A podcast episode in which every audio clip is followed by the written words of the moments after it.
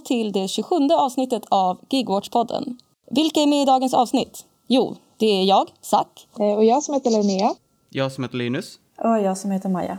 Idag ska vi snacka om Reddit-forumet Anti-Work och våra åsikter, lite takes, lite analys, lite kul content. Det kommer bli jättekul. För det första kan man ju kanske undra, mm, vad är Reddit? Det är en jättenördig hemsida där folk umgås, I guess.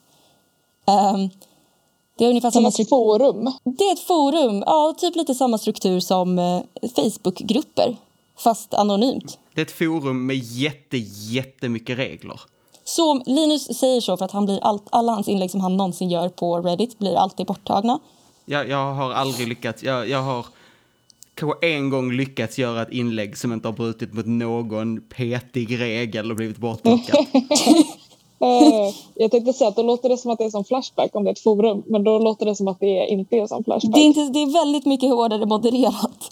Men eh, Antiwork är då ett forum på den här sajten som har vuxit helt sjukt mycket det senaste året. Alltså innan mars 2020, alltså innan corona, eller man ska säga, så hade Antiwork ungefär 100 000 medlemmar. Idag har det 1,7 miljoner medlemmar. Vilket jag tycker är helt sjukt. Det är, uppenbarligen är det rätt många som tycker att arbetskritik är intressant. Ja, precis. För vad anti-work, alltså så, vad, vad menar man med det? Det här är het, het debatt i forumet. Eh, en intressant grej som man kan kolla på är att innan den här stora influxen av medlemmar så var det ganska tydligt och öppet hård arbetskritik för en värld utan arbete.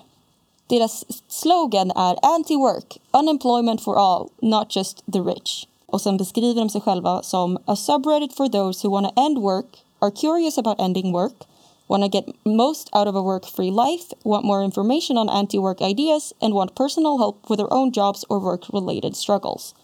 En intressant sak med anti-work-rörelsen är ju att den befinner sig, den ligger lite utanför både klassisk höger och vänster. För det är generellt sett eh, en av få saker som folk till höger och folk till vänster håller med varandra om är arbete är viktigt. Sen vill, vill de ha olika, alltså en stor del i vänsterns driv historiskt har ju varit att ge arbetare kontroll över sitt arbete. Så att det är, man vill ju, är emot det nuvarande arbetssystemet, men det är fortfarande en väldigt i grunden arbetspositiv politik. Exakt. Uh, vilket det här då är en, en, en är motsatsen till. För det, annars pratar man väl ofta om att vi behöver fler jobb. Och rätten till arbete, alltså alla ska ha rätt till ett arbete, har ju varit Precis. mycket historiskt. Kollar man på de inläggen som var innan det här eh, forumet blev vad jag antar man kan kalla mainstream så är de väldigt mycket mer uttalat liksom, antiarbete eller arbetskritiska. De har liksom en stark anarkistisk eller åtminstone hardcore vänster-vibe. Medan nu, så, om man kollar i kommentarerna på många populära inlägg nu så kan man se att folk är lite mer så... Ja, nej, jag tycker att arbete är bra men det är viktigt att folk har okej okay villkor. Och det kommer rätt ofta också inlägg som kritiserar det. Det är folk som är kritiska till att stämningen har förändrats. Alltså det är inte, det är inte lika mycket högafflar och arg stämning. Det har blivit lite mer kanske mer anti jobb än anti-arbete. Så, äh, specifikt anti dåliga jobb, specifika jobb istället för att vara emot helt konceptet arbete. Ja, men lite så kan man väl säga. Forumet exploderade mycket också med eh, eller under sin, sin snabbaste influx av medlemmar, då var det mycket berättelser och screenshots på när folk har sagt upp sig eller när deras chefer har varit jättevidriga. Eh, och det är ju någonting som förenar, att ha en dålig chef som man inte gillar. Det är något som förenar ganska många människor. Och det är ju ändå på något vis den, den enklaste formen av, av arbetskritik. Har man ett jobb man hatar och en chef man hatar, då är det väldigt lätt att hata jobbet. Men det, det, är ju nivån över att hata konceptet arbete även när det kanske är ett bra jobb man gillar. Ja, precis. För alltså, så jag, jag har inte varit inne på den här sidan innan, innan vi skulle spela in podden. Liksom. Jag började kolla på den. Eh, och intrycket man får när man scrollar är ju verkligen att så här är det det är väldigt många som är väldigt arga över liksom, att de har pissiga jobb och de hatar att jobba och de är uppgivna liksom, inför insikten om att de kanske behöver jobba tills de dör. Liksom, för att de får liksom inte ihop pension. Jag skulle beskriva att den här uppgivenheten samtidigt är...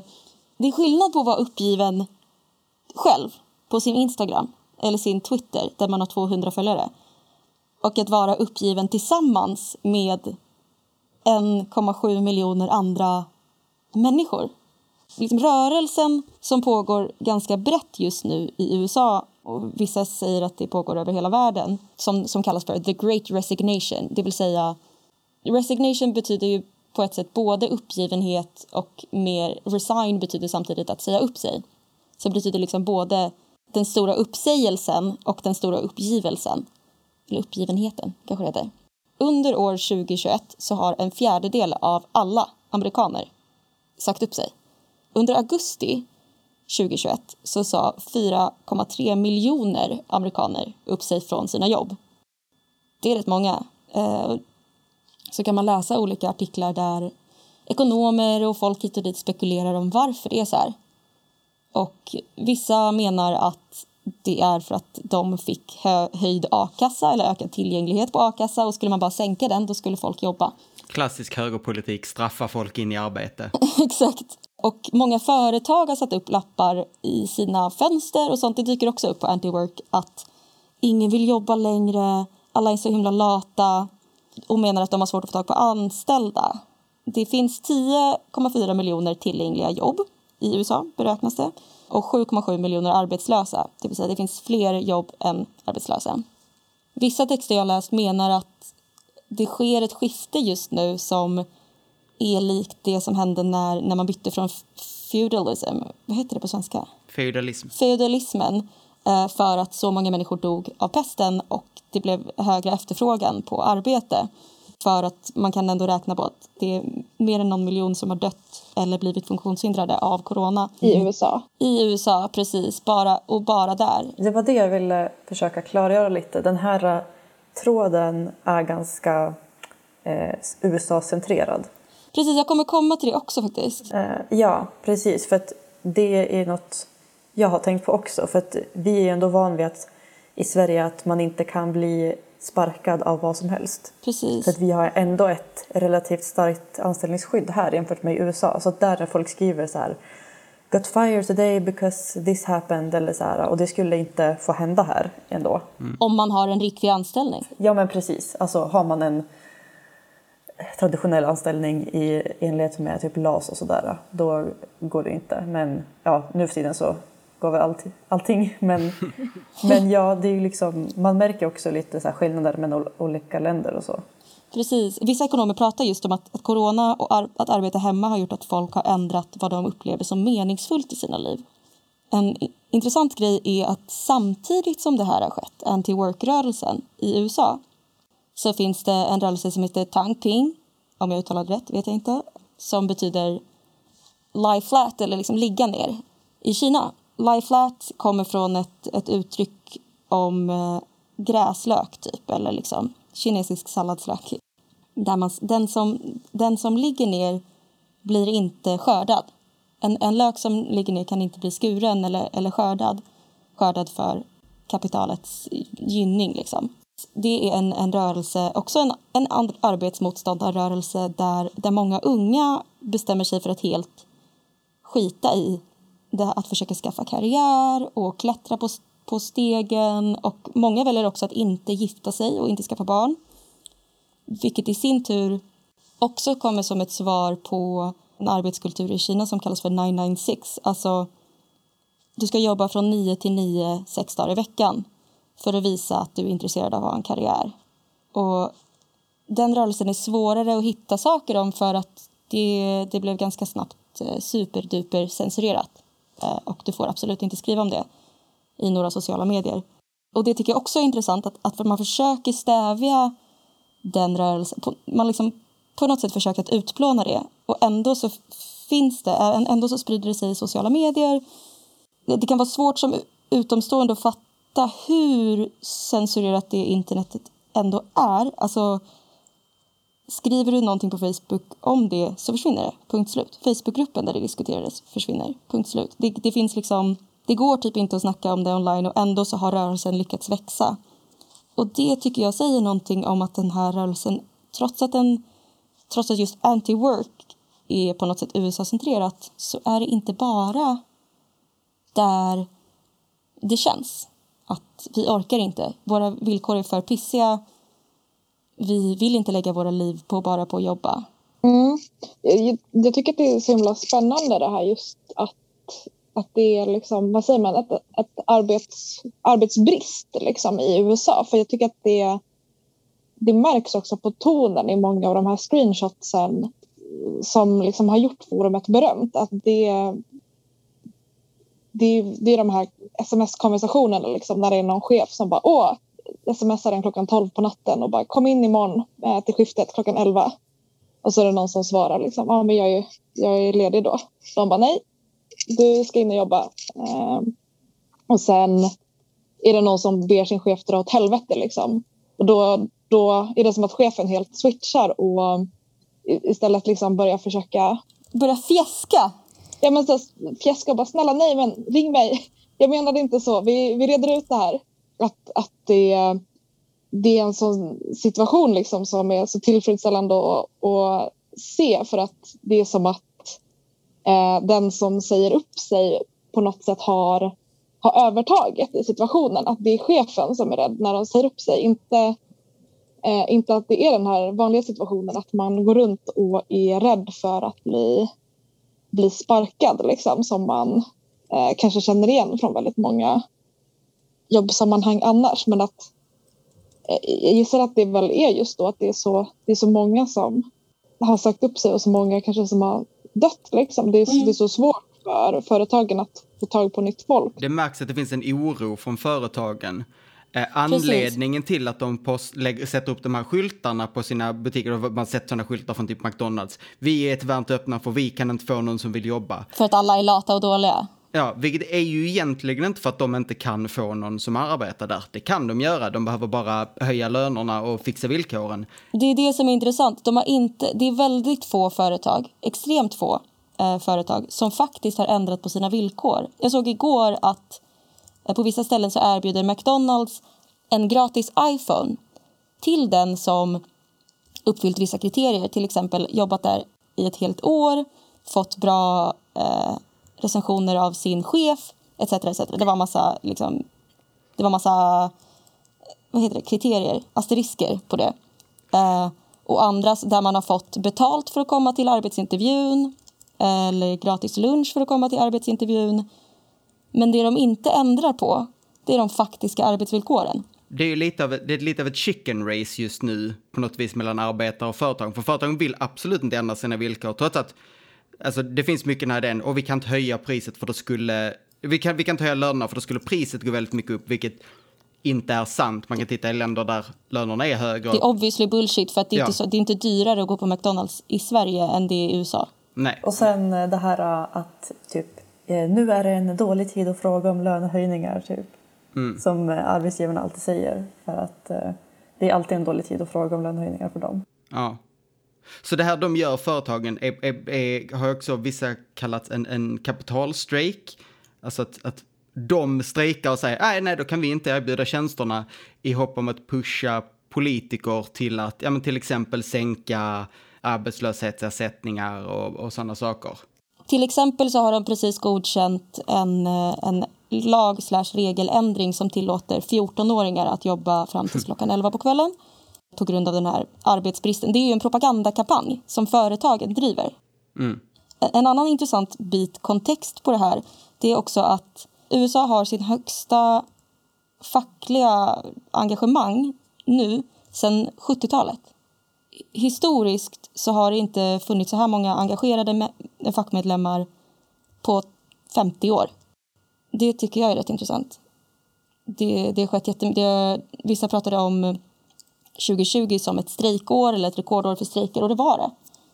Eh, det skedde jättemånga strejker och Anti-Work var dessutom engagerade i eh, en av dem, Kelloggs-strejken. Jag vet inte om ni hörde talas om det, men eh, för arbetarna där gick ut i strejk.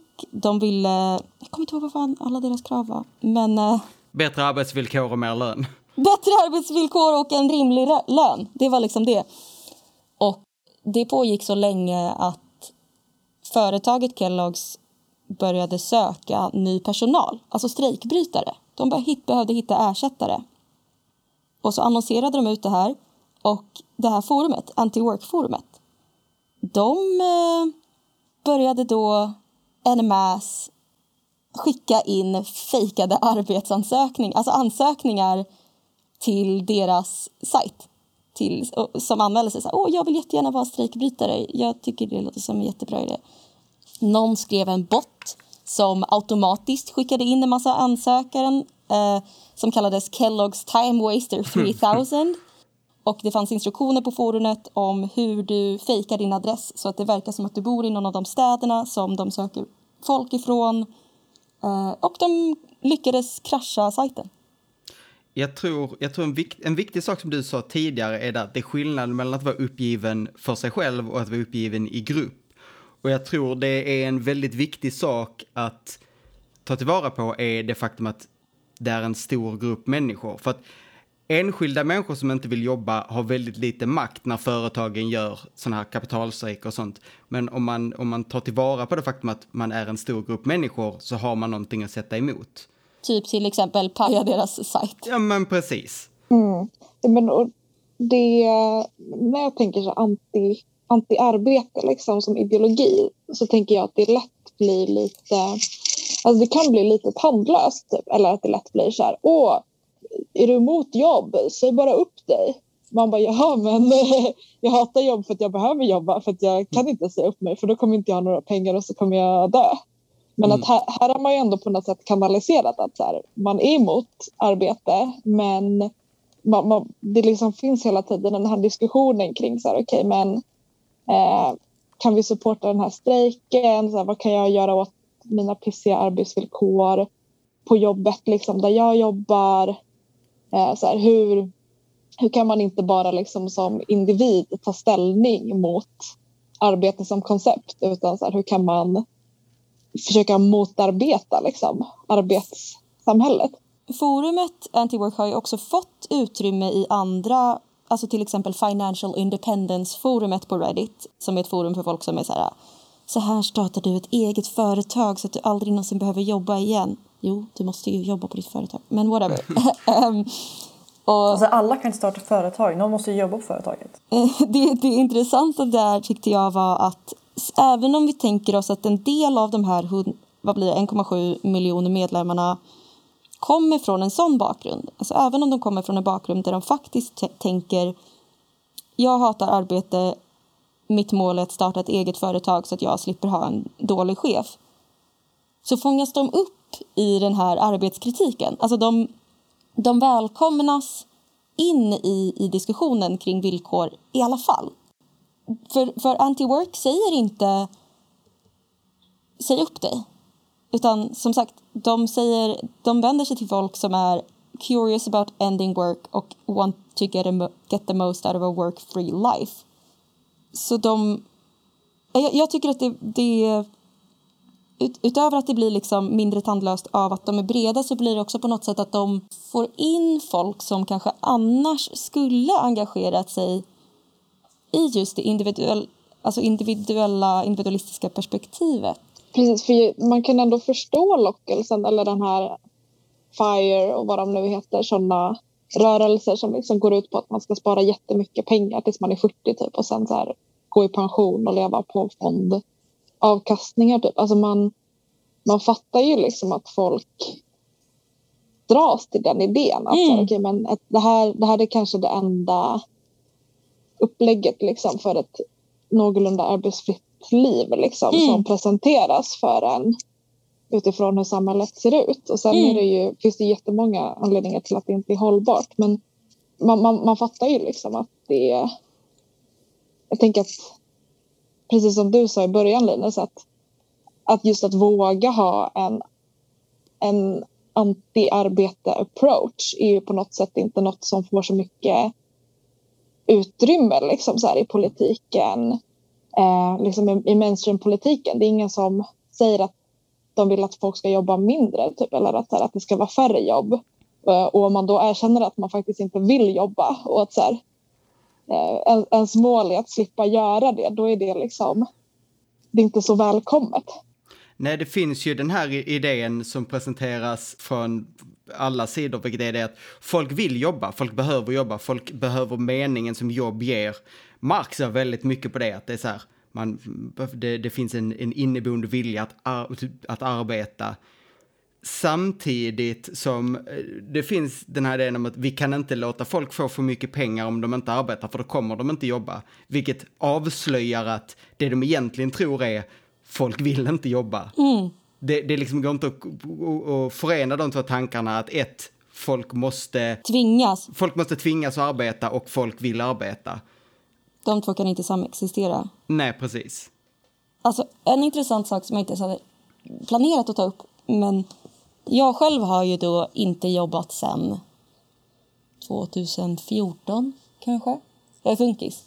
Jag jobbar inte. Jag kan inte jobba. Eller intressant nog, jag vill inte jobba. För mig, jag råkar ha lyxen att ha papper på att det är dåligt för mig att jobba och, och samhället bedömer att det är så pass dåligt för just mig och min hälsa att jobba att, att jag kan få pengar från staten för att inte göra det. Medan det är ju bara för att för mig kommer de här äh, negativa effekterna snabbare än de gör för andra. Det är inte så att andra inte påverkas negativt av att jobba. Men det, man, man bedömer att det finns ett fönster inom vilket det är normalt att reagera illa på jobb. Och, och, och reagerar man på det så sent, alltså man har en slutkörd kropp när man är 55, det är okej. Men att ha en slutkörd kropp när man är 25, då är man för funkis. Och så får man slippa. Men det, det som jag tyckte var sjukt intressant, det du sa med alltså att folk, äh, både, ja i mainstream-politik, men också varenda människa man pratar med, typ, alltså det är inte förrän typ i år som jag känner att stämningen har ändrats ens lite grann där jag kan säga jag vill inte jobba. Det har liksom inte funnits utrymme överhuvudtaget för att säga det utan att folk reagerar i chock och total panik. Eh, de får moralpanik. Folk får moralpanik över att man inte vill det. Ja, alltså jag tror att vi är så pass liksom, uppvuxna i det här arbetssamhället att det ska vara en självklarhet att man ska jobba och inte bara att man ska jobba utan man ska jobba jättemycket och vara så här uh, hardworking, eh, jobba över jättemycket, verkligen så här, jobba hårt och sådär. Det räcker inte bara med att jobba.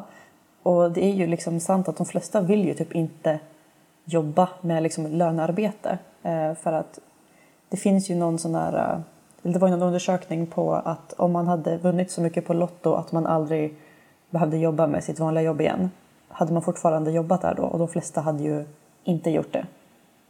Det var typ en tredjedel som hade velat jobba kvar för att de kanske jobbade med något de tyckte var kul eller så. Ja, jag vet inte fan. Men i alla fall, de flesta skulle, om de inte behövde det för pengarna, då hade de inte jobbat.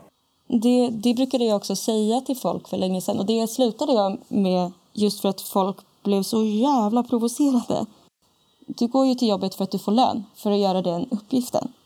Skulle du gå dit om du inte fick lön? Och sen hamnar personen... Om, antingen så har de svarat ärligt nej och då, då säger jag okej, okay, då vill du inte det.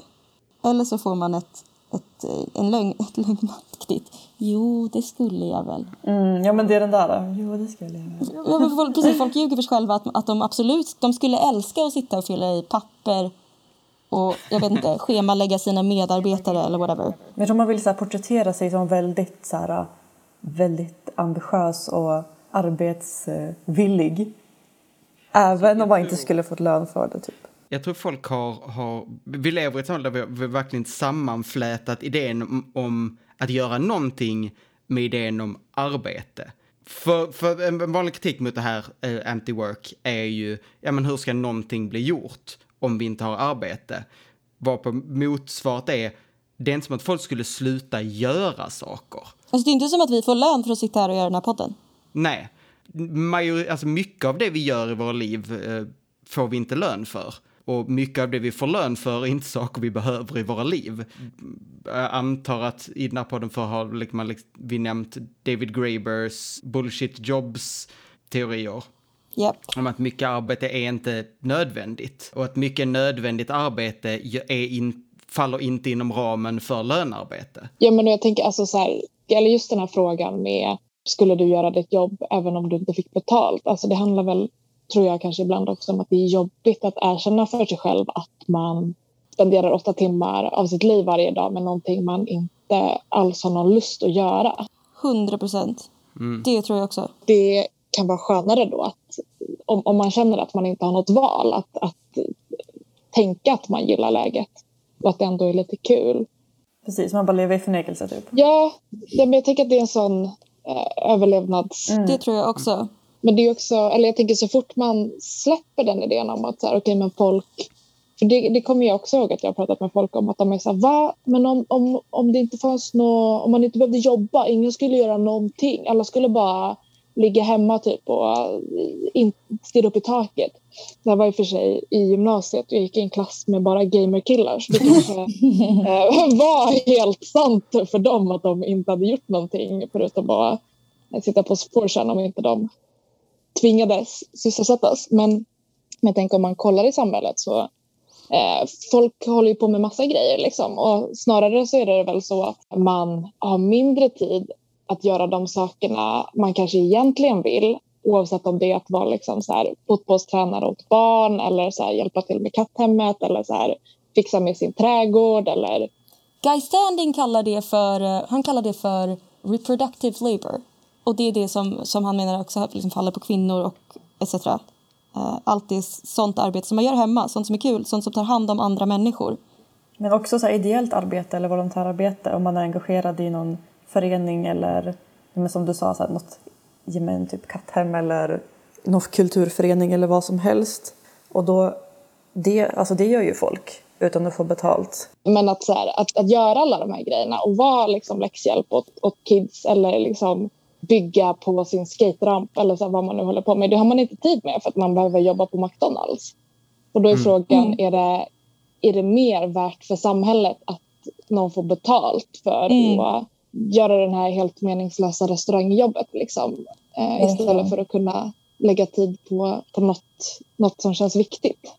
Jag brukar, jag brukar också faktiskt känna lite, och det här låter kanske extremt cyniskt, men jag blir också faktiskt lite trött på den här, åh, men man skulle faktiskt arbeta ideellt för, och det kommer nog säkert från mitt funkisperspektiv, men vi måste inte heller arbeta ideellt för att på något sätt eh, bevisa oss värdiga av ett liv utan arbete. Alltså vi måste inte kompensera för att vi inte lönearbetar. Man, det finns de som inte skulle göra det också. Alltså typ till exempel funkisar. För det, det, det är ju också en sån sak som jag liksom får att ah, men du skulle ju kunna kanske jobba med någonting väldigt, väldigt anpassat. Ja, kanske skulle jag kunna det. Men jag vill inte.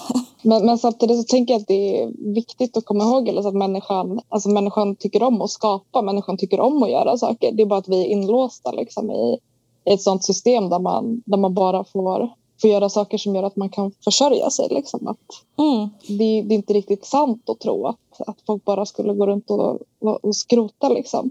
I Life Flat-rörelsen de har ju fått jättemycket kritik Alltså folk är livrädda för Life Flat. Alltså kinesiska, om jag inte missminner mig så har liksom regeringen gått ut emot det här också. För att det är ett stort hot. De har ju precis till exempel lanserat en three child policy. De vill att par ska få tre barn för att de har en, en befolkning som åldras väldigt snabbt.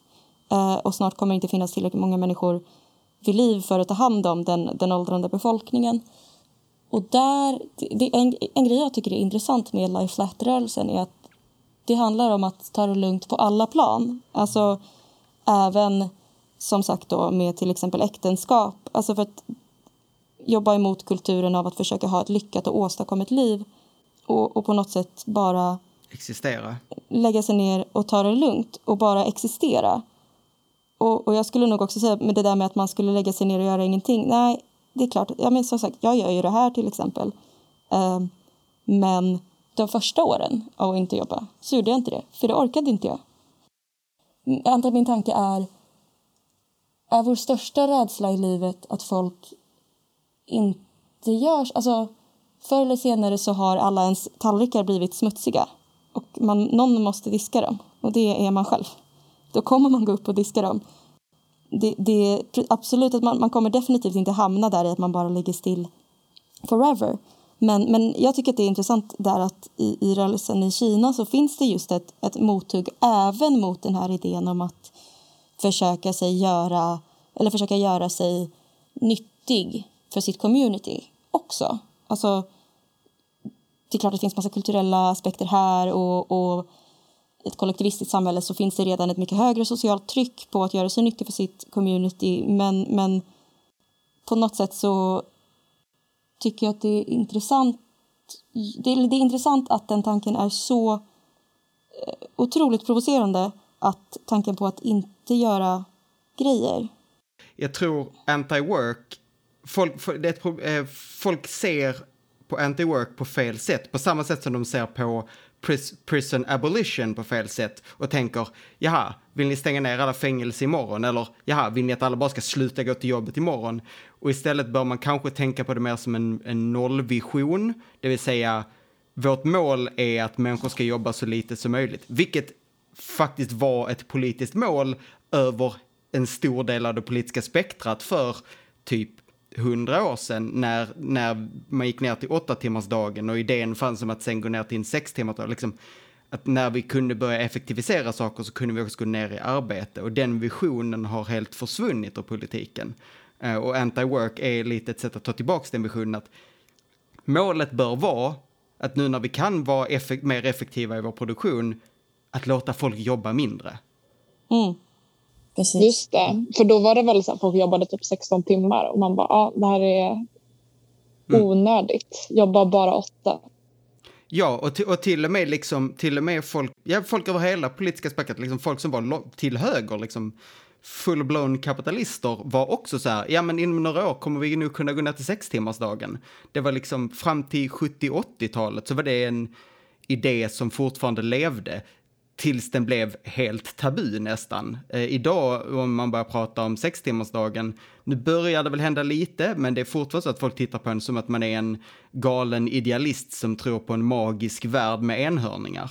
Alltså, ja, men jag blir så upprörd på det där, för det har ju varit jättemycket försök och projekt med sextimmarsdagar på olika mest vårdenheter och sånt. Och då har det visat att de som jobbar har liksom mått bättre och bara på, liksom rapporterat positiva eh, svar på det. Liksom, att de känner att de har mer energi och ork att göra annat. Eh, och liksom, de har också funkat bättre på själva arbetet. Men det har ändå inte fortsatt någonting för att det känns som så omöjligt för politiken idag. Typ. Alltså det känns som att mm. man har helt gett upp arbetstidsförkortning på något sätt. För att man är så inne i den här idén att alla måste jobba så mycket som möjligt och Mm. Liksom, man är så inne i den idén tror jag. Jag borde vi inte vara glada att maskinerna tar våra jobb? Det är jätteskönt att ha en tvättmaskin. Att slippa tvätta min tvätt för hand. Jag älskar det. Linus har en diskmaskin. Han måste inte diska sin disk. Jag måste diska min disk. Det är inte en läskig eller hotfull sak. Nej, det, det är ett väldigt trasigt samhälle som, som ser åh, en maskin kan göra jobbet, en människa behöver inte göra det och blir liksom så här, åh nej vad dåligt. Men eh, jag skulle vilja komma tillbaka lite till det Linnea sa förut, det här med att Eh, chefer ofta vill ha in sina anställda väldigt kort varsel och tror att hela ens liv cirkulerar kring ens jobb. Eh, och då tänkte jag om jag kunde ta upp ett inlägg från den här Antiwork. Som har lite med det att göra, för det har jag tyckt varit lite extra intressant för att jag har sett många gånger med kompisar och mig själv också att de tror att man bara ska släppa allt och gå till jobbet typ. Okej, okay, det här är postat av YOLO Cowboy 1 Nej, YOLO cowboy. uh, ja, okej. Okay. Uh, då säger chefen. Hey, I know you live kind of far, but a couple people called out today. Could you come in? Uh, for how long? I need you until close. Can you get in by one? So 48 minutes? Yeah, is that an issue? I just might not be available right, right uh, at one. This is short notice on a Sunday. Surely understand. Och då säger chefen. I understand nothing. We've hmm. spoken about your unwillingness to come in into work on call.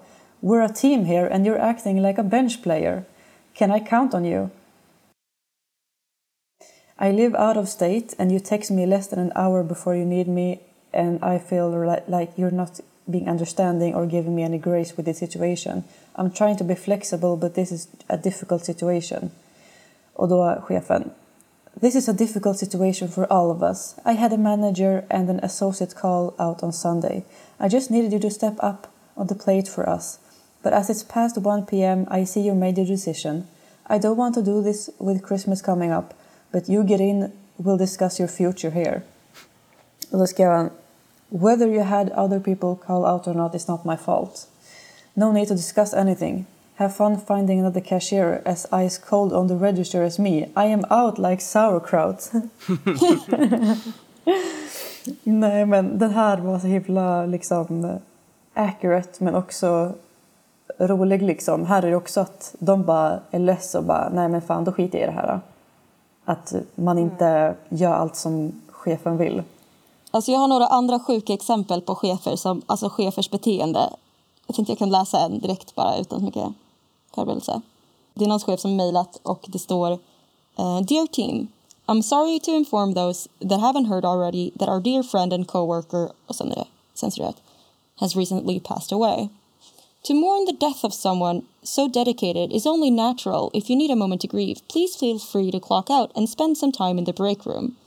While it may sound insensitive, it is important that we don't let our productivity slide. and I think it's fair to say that, censored, wouldn't have wanted that. And also, please do not clock out while the store is busy, as this will add undue stress on the team. If there are any issues with this, please contact me directly and do not discuss these issues with your coworkers, as it may cause undue stress. Discussing this may result in immediate dismissal. Unable are the loved to die, for love is immortality. Management. Det var sjukt. Alltså, det är så surrealistiskt att höra men, alltså, det speciella chefslingot som det du läste Maja. När de var så här, åh, vi är ett lag, men nu känns det inte nu, känns, nu beter du dig som en spelare som sitter på avbytarbänken. Alltså, så, vad är det för sjuk chefskurs alla de har gått för? Och... Jag använder liksom så här analogier och... Nej, inte analogier. Vad heter det? Metaforer? Metaforer. Ja, men precis. Att man använder sådär. Och det tror jag också att då vill man få det liksom gilta den anställda liksom att ja, men vi är ett team, kom och hjälp dina kollegor liksom. Din döda kollega hade velat att du jobbade hårdare. Ja, exakt. Alltså det är alltid när man söker ett jobb, var extremt misstänksam mot företag som har, som väldigt mycket framhåller att man är eh, mer än ett arbete, att man är, jag menar, att man är ett team eller en familj, absolut ja, värsta. En familj. Var alltid extremt misstänksam för vi är en familj betyder vi vill att du ska göra mer än vad som ingår i din, ditt arbete. Japp, 100 procent. Ja, bra heads up där, tycker jag. Jag har en person som, blev, eh, som fick sparken för att eh, hon hade manifested failure genom att säga jag tror inte att den där kunden kommer komma tillbaka. och chefen menade att det hade dragit in dåliga energier och hon vill inte ha kvar henne där. Gud. Men eh, jag har också så här, jag har ju varit med om att eller jag har känt väldigt mycket när jag har jobbat på vissa ställen att man har som en, man måste inte komma in och jobba med, med kort varsel men man känner att man nästan måste. För att eh, ja, men det finns en sån kultur att så här, man ska visa sig villig och man ska ta på sig extra pass och så här, um, ja, men visa framfötterna. Ja, det där tycker jag var så, så mycket intressant. Eh, på, på det, det som var i, som i 996 och det som kallas för lunch crunch. Nej, lunch crunch. Lunch crunch är när det börjar med att, att chefen uppmuntrar, man har fått li, ett lite för stort projekt eller lite för lite tid. Och du kanske är nyanställd eller på något sätt känner dig osäker liksom, och känner att du måste prestera. Så du stannar över lunchen och, och jobbar, jobbar vid ditt skrivbord medan du käkar. Eh, det gör att någon mer i ditt team börjar göra det.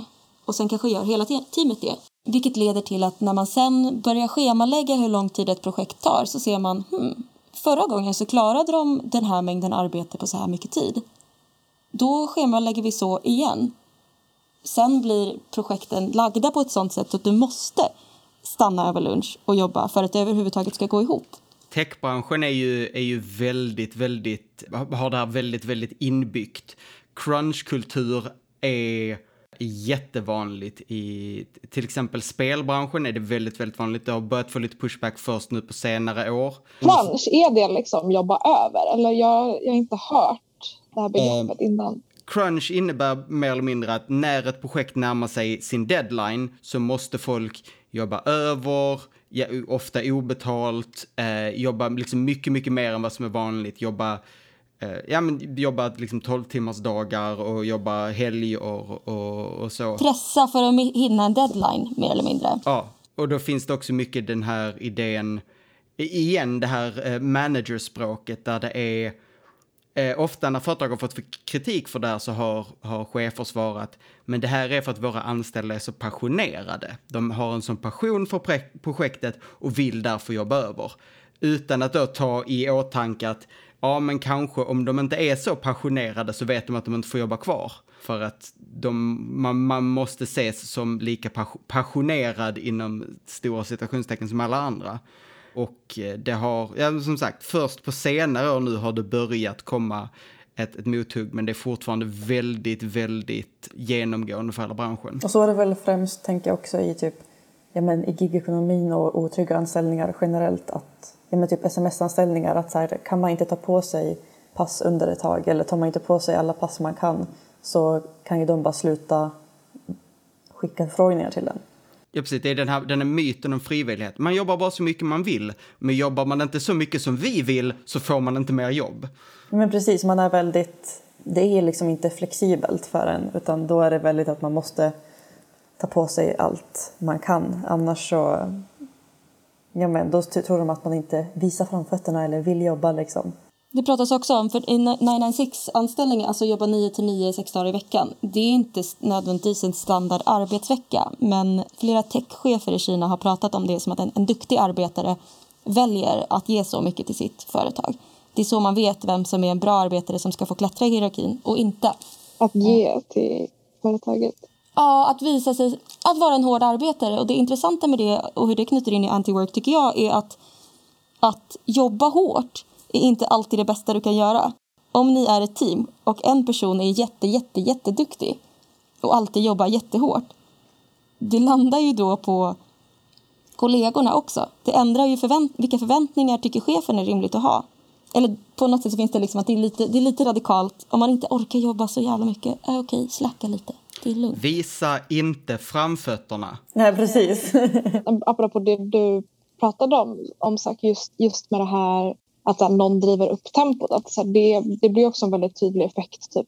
Att så här, hur att några har en osäker anställning kan påverka alla negativt. Inte bara i den bemärkelsen att så här, det kanske finns en risk att de också blir osäkert anställda. Utan så här, om, om, du har en fast anställning på ett jobb där det är några som, som känner en press på sig att jag behöver verkligen, verkligen visa framfötterna för att få mitt kontrakt förlängt. Så kommer de troligen jobba väldigt mycket hårdare kanske. Mm. Eh, och precis som du beskriver att, att dra upp arbetstempot. Det är ju en sån klassiskt problem på arbetsplatser som, som man pratat om länge, eller liksom så även på fabriker och sånt. Att, så här, att på många fabriker fanns det en sån outtalad grej att så här, man ska inte dra upp ackordet, kallades det. Att så här, man ska inte börja jobba snabbare på sitt löpande för då kommer cheferna se att så här, ah, men den här personen klarar ju det här mycket snabbare än alla andra. Då, då förväntar vi oss det av mm. dem också. Det och sen står liksom. man där i slutet av, av året liksom och behöver jobba röven av sig varje dag för att så här, man har liksom bara pushat upp förväntningarna mm. på, på vad, vad, man ska orka. Och att det på det sättet blir osäkert anställda liksom ett, en, en piska på hela arbetsplatsen i värsta fall. Det jag tänkte också på här var i alltså, cykelbudet av Anders Teglund där han beskriver lite hur Foodoras system ser ut. Med det där att man måste jobba väldigt snabbt och visa fram fötterna och sådär. Där jobbar ju de på att de får mer betalt ju mer leveranser de gör. Och då är det att deras performance liksom visas i appen. Så det blir som en tävling mellan alla kollegor. För att verkligen så här snabba på tempot och för att man ska känna den här eh, att alla ska jobba jättehårt och snabbt för att man ser ens performance. Och sen är det väl också att har man en, eh, låg performance så är det väl att man kan få strikes. Och då får man tre strikes så blir man eh, basically uppsagd. Så att eh, det är ganska sjukt just inom gigföretag speciellt. Alltså en, en, en stor del i den, um, den teknolo de teknologiska framstegen som har kommit med gigarbetsbranschen är ju att chefer är bättre än någonsin på att hålla koll på sina arbetares produktivitet. Vilket är... Ja, de tycker det är positivt, men för arbetare är det ju bedrövligt. För vad du tekniskt sett har möjlighet att göra, liksom din, din, din teoretiska maxproduktivitet är i de flesta fall inte hållbar. Och går du inte sönder idag, går du sönder imorgon. Precis, man, man kan ju vrida ur sig som en jävla disktrasa på jobbet liksom. Men då kommer man ju också må som en disktrasa sen. Mm. Och det är väl också en sån, sån grej som det inte finns liksom någon, någon given regel i. Så här, vad är det rimligt att förvänta sig? Så här, hur, hårt, hur hårt ska man behöva jobba liksom, på ett jobb? Det är ju gränser som kan flyttas fram och tillbaka hela tiden beroende på liksom, vem det är som får avgöra det. Det finns många sådana vittnesmål också i, i Redditen av folk som beskriver att när deras kollegor har slutat så har de fått högre arbetsbelastning. Alltså så att du jobbar på en restaurang till exempel och ni är två servitriser istället för fyra. Att chefen förväntar sig att du ska klara av att kompensera för personerna som har slutat utan att du får en löneökning. Mm. Du gör ett, ex, ett helt jobb till, liksom. men eh, det syns inte. Man brukar ju säga ibland så här minimum wage, minimum effort. Ja, precis. Det är typ ett mantra i det här forumet. Ja, precis. Och eh, vad var det? Boss makes a dollar, I make a dime. That's why I poop on company time. Exakt. kan jag ta en till? Jag tänkte precis fråga. Ja, kör. Jag har också en till. Ah, jag har en ganska kort, men jag tänker vi kanske kan... Eh, ja, kör. Kör, kör, kör. Okej, okay, det här är av KB Fan 44 för fyra dagar sedan. Nej. Jaha, jo tydligen. okay. Uh, how do boomers not see the issue? They were raised in a world where one job could support a family of four to five. Now their children live in a world where a family of four needs five to six jobs to be supported, and they even sometimes need the eldest child to pick up a job to help. Do they not see the difference, or do they just not give a shit? Mm. Det tänker jag också med att man måste ha många otrygga anställningar för att man har så svårt att få en tillsvidareanställning. Så man måste ha många små otrygga anställningar för att få ihop till någonting. Men det blir också svårt. Liksom. Jag tänker att det väl också tydligt illustrerar att, att levnadskostnaderna generellt liksom har stigit. Så är det ju i Sverige också, men, men också i USA. att så här, Hyrorna är liksom skithöga idag. Det är svårt att, att hitta ett billigt boende vilket gör att Alltså så även om löneutvecklingen kanske är decent liksom, jämförelsevis att den har gått upp lite varje år så eh, kanske dubbelt så mycket pengar går åt till hyran nu. Mm. Vilket gör att så här, man mm. I praktiken behöver jobba mer liksom, för att ha råd. Och, eh, och liksom, SL-korten har blivit mycket dyrare. Ja, de går inte upp i, i takt med inflation direkt utan de ökar ju bara. De ökar i takt med att Tamson känner för det. Ja. Ja, jag bor ju inte i Stockholm men det känns som att han bara ökar lite så här, när han känner för det typ.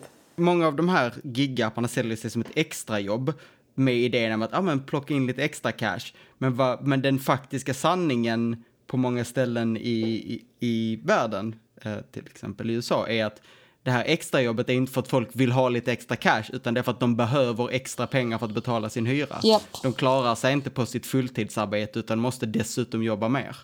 Det blir väl också normaliserande på samma sätt som det där med övertid också att, att om, om folk gör det, alltså om man kan lösa att man har en orimligt låg lön med att jobba extra, då blir det ännu mindre skäl att se till att folk har en rimlig lön för att de, de överlever ju, de har mat på bordet. Men gigföretagen pratar ju om det här också som att det är liksom en hobby att jobba extra. Liksom, jobba när du vill och bara, gör ditt eget schema och du får komma in och jobba lite när du känner för det. Som, som att det är liksom så här, ja men jag kan gå och baka en kaka när jag känner för det. Men just som vi pratade om innan, man vill ju generellt inte jobba. Nej precis, jobba när du vill. Ah, okej, okay. aldrig. precis, bara, nej men då, då gör jag inte det. Jag har några sjuka mejl från olika chefer som jag tänkte läsa upp. Eh, den här är, människan har raderat sitt konto, men eh, mejlet det står så här. Hello staff! Due to shortage of staff from the common cold variant and terrible recruitment climate brought about by the entitled young generation, we will be suspending paid time off and sick paid for all vaccinated and non-vaccinated employees. Do not use Omicron as an excuse to miss work. Just wear a mask. We have deadlines to meet. Employees who are found using this lame excuse will be terminated immediately. Hängde jag med rätt att eh, de, de tyckte att det var så många sjuka så de tar bort sjuklön? Eller vadå? Exakt, det var så många sjuka så det måste ju betyda att alla bara använder det som en ursäkt för att inte jobba. Så därför tar de bort sjuklönen och använder man den dåliga ursäkten att man till exempel har fått omikron-varianten av corona och därför måste vara hemma, då behöver man vara rädd för att bli av med sitt jobb. Wow. Ja, alltså, det är mycket kring det här corona också på, på den här uh, anti-work. För att det är ju många chefer som har varit så här, ja men kom in ändå. Ja, så jag tror inte, jag tror inte anti-work-rörelsen hade växt så mycket och så snabbt som den gjort nu utan corona. Jag tror också att det har varit helt avgörande. För det, du märker ju då att din chef skiter i, inte bara i hur du har det, utan om du lever eller dör. Mm. De skiter i om du tar med dig corona hem till din familj. De skiter i allt. Och, så, och det ser vi ju även i Sverige med de här rekommendationerna som är just nu. Med eh, Alla som kan ska jobba hemifrån. Om du inte måste. Och då har jag en kompis. Hon måste gå till jobbet för att jobba på plats. För att ha brainstorming-möten. För det måste has på plats. Och de här rekommendationerna har också sagt det att om du inte kan jobba hemifrån så ska du jobba från jobbet. Men du ska inte umgås med vänner eller göra saker. Vilket igen visar liksom vad som ses som människors primära funktion. Den primära funktionen är att jobba. Jobbet kan inte störas. Däremot alla andra grejer du gör i livet, det kan sättas på is. Mm, liksom träning och sociala sammanhang och annat. Man kan liksom ligga i en sån förvaringsbox och blunda bara den tiden man inte arbetar. Ja. Ja men typ. Men Zack, var du klar med mejlet? Kunde jag ta en till? Ja, kör. Det var mejlet. Ja, eh, nej men jag tänkte gå vidare lite på det här med vad vi pratade om innan, att vilket tempo man har på arbetsplatsen och att det ger förväntningar på kollegorna, vilket liksom om man ska jobba bare minimum eller liksom jobba hårt så. Och då var det någon som heter Matt med jättemånga M och A och T. då var det någon som skrev eh, Not working isn't possible for many. Limiting output is possible. Slow down. Let customers wait. Pack 30 boxes per hour instead of 60. Type at 20 words per minute instead of 40. Walk slower. Drive eh, 10 under the speed limit instead of 10 over. Och då fick han jättemycket i kommentarerna. Bara, man ska inte köra för långsamt. Men man bara, ja men du fattar message liksom. also don't step up to fill the gaps left by shitty employers. Let the gap hurt them. Don't let them pressure you into working harder. Edit. Always drive safely. och så var det lite mer där som inte som var lite irrelevant. Men det här tycker jag också är intressant för att det är ju lite vad man inom sociologin också pratar om som mikromotstånd typ. Ja, det, det, här, det här var ju jättehett i, en väldigt liten politisk krets i Sverige i början av 2000-talet med maskning som, som motstånd på arbetsplatserna. Mm. Eh, att, att just att här, jobba så långsamt som möjligt. Precis. Det är, det är en vanlig strejkmetod inom yrken där du inte kan strejka vanligt, till exempel jag vet, i, i, i liksom sjukvårdsyrken där om det blir full strejk så börjar folk dö. Så det folk gör istället är att göra jobbet så absolut långsamt som det går. Och noggrant. Alltså man gör det noggrant. Att man, man inte tar risker med... Ja, precis. Alltså att man ger några patienter bra vård istället för att ge alla halvdålig vård. Precis, vilket, vilket också då blir, blir en kritik mot hur, ja, men hur, hur folk har tvingats att jobba på ett, ett ohållbart sätt. Så man, man jobbar på ett sätt som är hållbart för en människa att jobba och så blir det inte gjort så blir det inte gjort och då är, det chefernas fel. Mm, ja men precis och så här om det blir att eh, ja, men många folk är borta eller något är fel så att man måste ta på sig mycket mer utan någon kompensation då är det ju liksom sounds like a you problem. Då är det ju inte ens eget fel som de står och just eh, jag har jobbat lite i snabbmat innan till exempel eh, och då har jag liksom försökt jag är inte stresstålig alls vilket ja men eh, då liksom tänkte jag att ja men om någon får vänta typ en minut mer på sin hamburgare, det är liksom ingen katastrof. Men man tänker ju att det är det, för det är som så här, typ nu är det jobb, så här, jobba, jobba, jobba liksom. Men det är onödigt att stressa mer än vad man behöver. Det är det jag känner också med, med det här att eh, och då kan man fortfarande ha kvar jobbet, typ, för att man gör ju ändå jobbet men man gör det inte snabbt. Ja, det, det är ju en sak som man ser, har, har sett mycket också i den anti-work-rörelsen, att folk säger till chefer, chefen säger det går inte ihop, jag har inte tillräckligt mycket människor. N nej, okej, okay, men det är du som är chef. Du är schemaläggare, det är ditt jobb att se till att det är människor, inte mitt. Liksom, får du inte det att gå ihop, då borde du ha gjort ett bättre jobb, chefen. Precis, eller så här, du måste komma in och jobba. Man bara, men du går in och jobbar. Ja.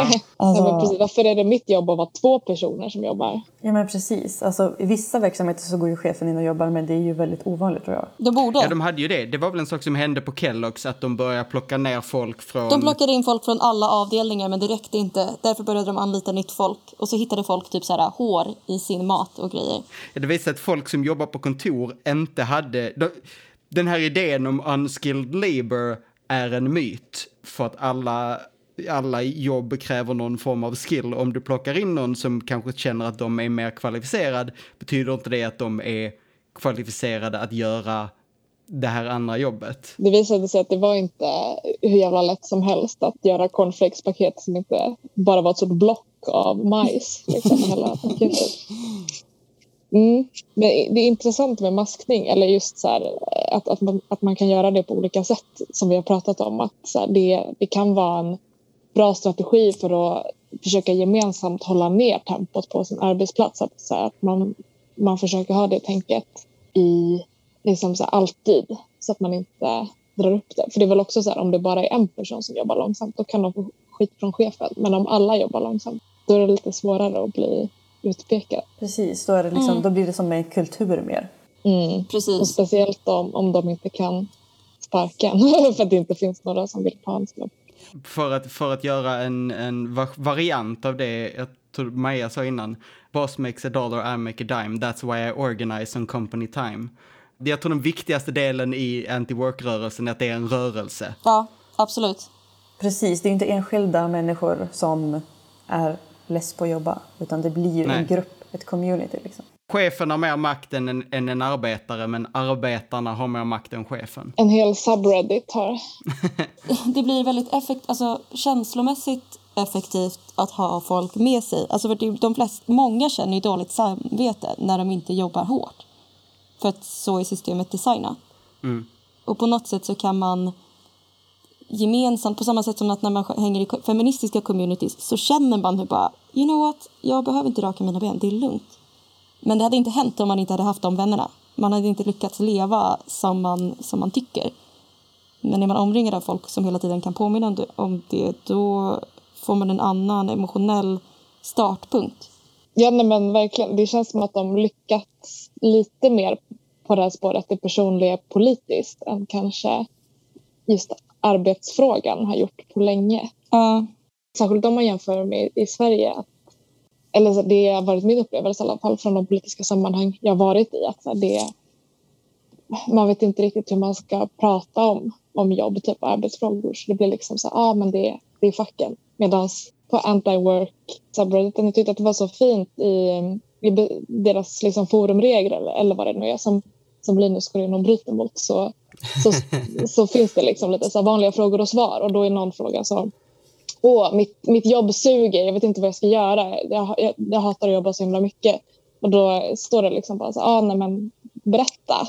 Berätta för oss om hur, vad, hur, hur är det du känner? Så här, vad, vad är det som händer på ditt jobb? Så, kan, så kanske vi kan komma fram till någonting. Att det, liksom, det är en sån bara utsträckt hand till att, att kunna prata om arbete. Det är, liksom, det, det är en sån fin synergi. Liksom, att det, det är inte bara mot arbete, även om det är såklart alltid med den, den ingången. Men att så här, här kan du prata om allting som är arbetsrelaterat. Jag tänker liksom att, att så länge vi har ett samhälle där det är supertabu att överhuvudtaget säga jag vill inte jobba, då blir det en förlängning av det blir också att det blir aningen tabu eller åtminstone svårt att prata med folk om typ jag ogillar de här aspekterna av mitt jobb. Du kan inte räkna med att du kommer få höra att någon annan säger ah shit, jag känner exakt likadant på mitt jobb. Just för att vi har den förnekelsen om att vi ogillar saker med våra jobb. Om det är folk som lyssnar på det här som känner att de vill liksom läsa mer om anti-work och liksom är nyfikna eller kanske till och med känner sig kritiska och vill höra mer om varför folk tror på det här. Har ni några rekommendationer på ställen att läsa utöver då Redditen? Jag kan börja med att säga att Redditen rekommenderar några essäer och några böcker. Så om man gillar viben men vill läsa något mer seriöst så finns det ett, ett bibliotek med de pdf-erna tillgängliga på reddit.com r antiwork. Jag vill också rekommendera Arbetssamhället av Roland Paulsen. och jag tänkte säga den också. Great mind think alike. Ja, men det är också liksom, ja, men då är det också på svenska och sådär så det kanske också är lite lättare att ta till sig. Och det liksom djupdyker i varför vi tänker som vi gör om arbetssamhället. Jag tipsar också om Roland Paulsens Vi bara lyder. Alltså Roland Paulsen in general. Den, om den boken är väldigt, den är gjord för att vara extra lättläst och, och rätt fram för den beskriver just specifikt liksom, väldigt konkreta saker. Om man tycker att det är lätt att lyssna på podd och svårt att läsa böcker så kan den och eh, David Grabers Bullshit Jobs finns på svenska också och den är också extremt lätt att ta sig igenom. Den är också skriven på ett väldigt enkelt sätt. En sak som inte var lätt att ta sig igenom, men vi, vi läste en i vår lilla interna studiecirkel, delar i alla fall ur Manifesto Against Labour av Crisis Group från 99.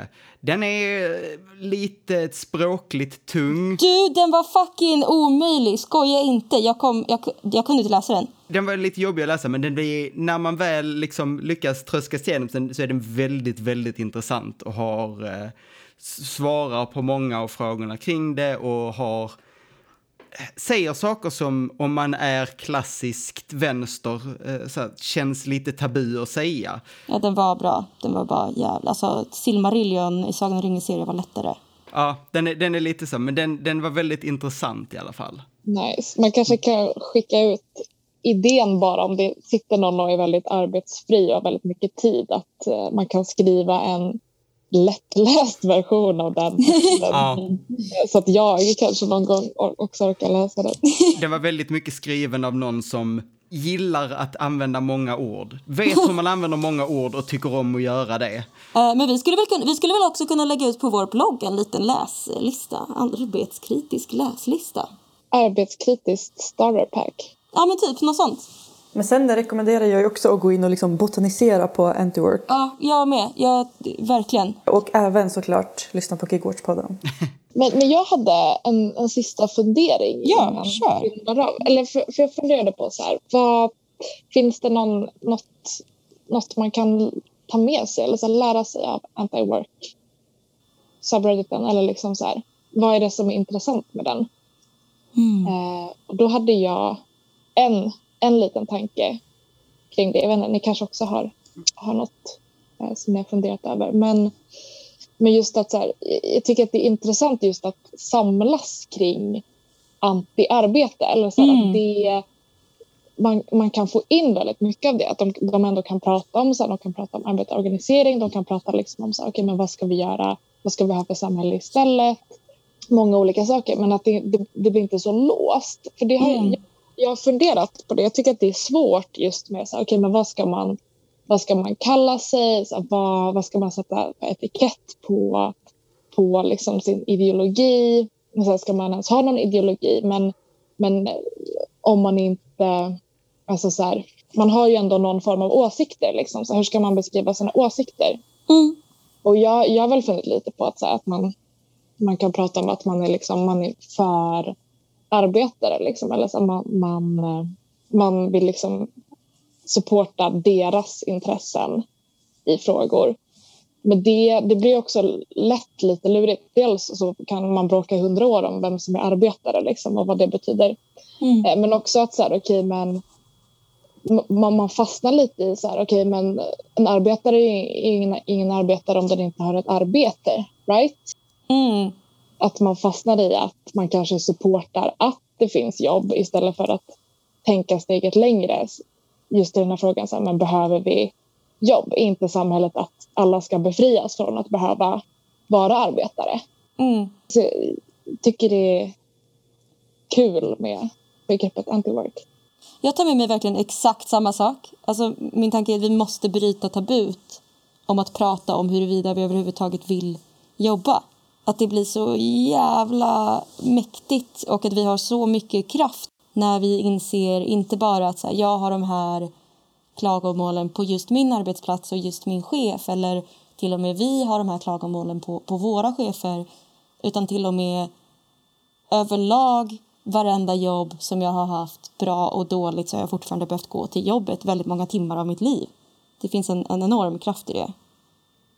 Ja, på, på ett personligt plan så, så är en, en bra sak som jag tar med mig i alla fall är det är okej okay att inte vilja arbeta. Det är okej okay att inte leva för att arbeta. Och ofta när man säger sig att jag hatar att gå till jobbet, till exempel, så säger folk, ja men byt jobb.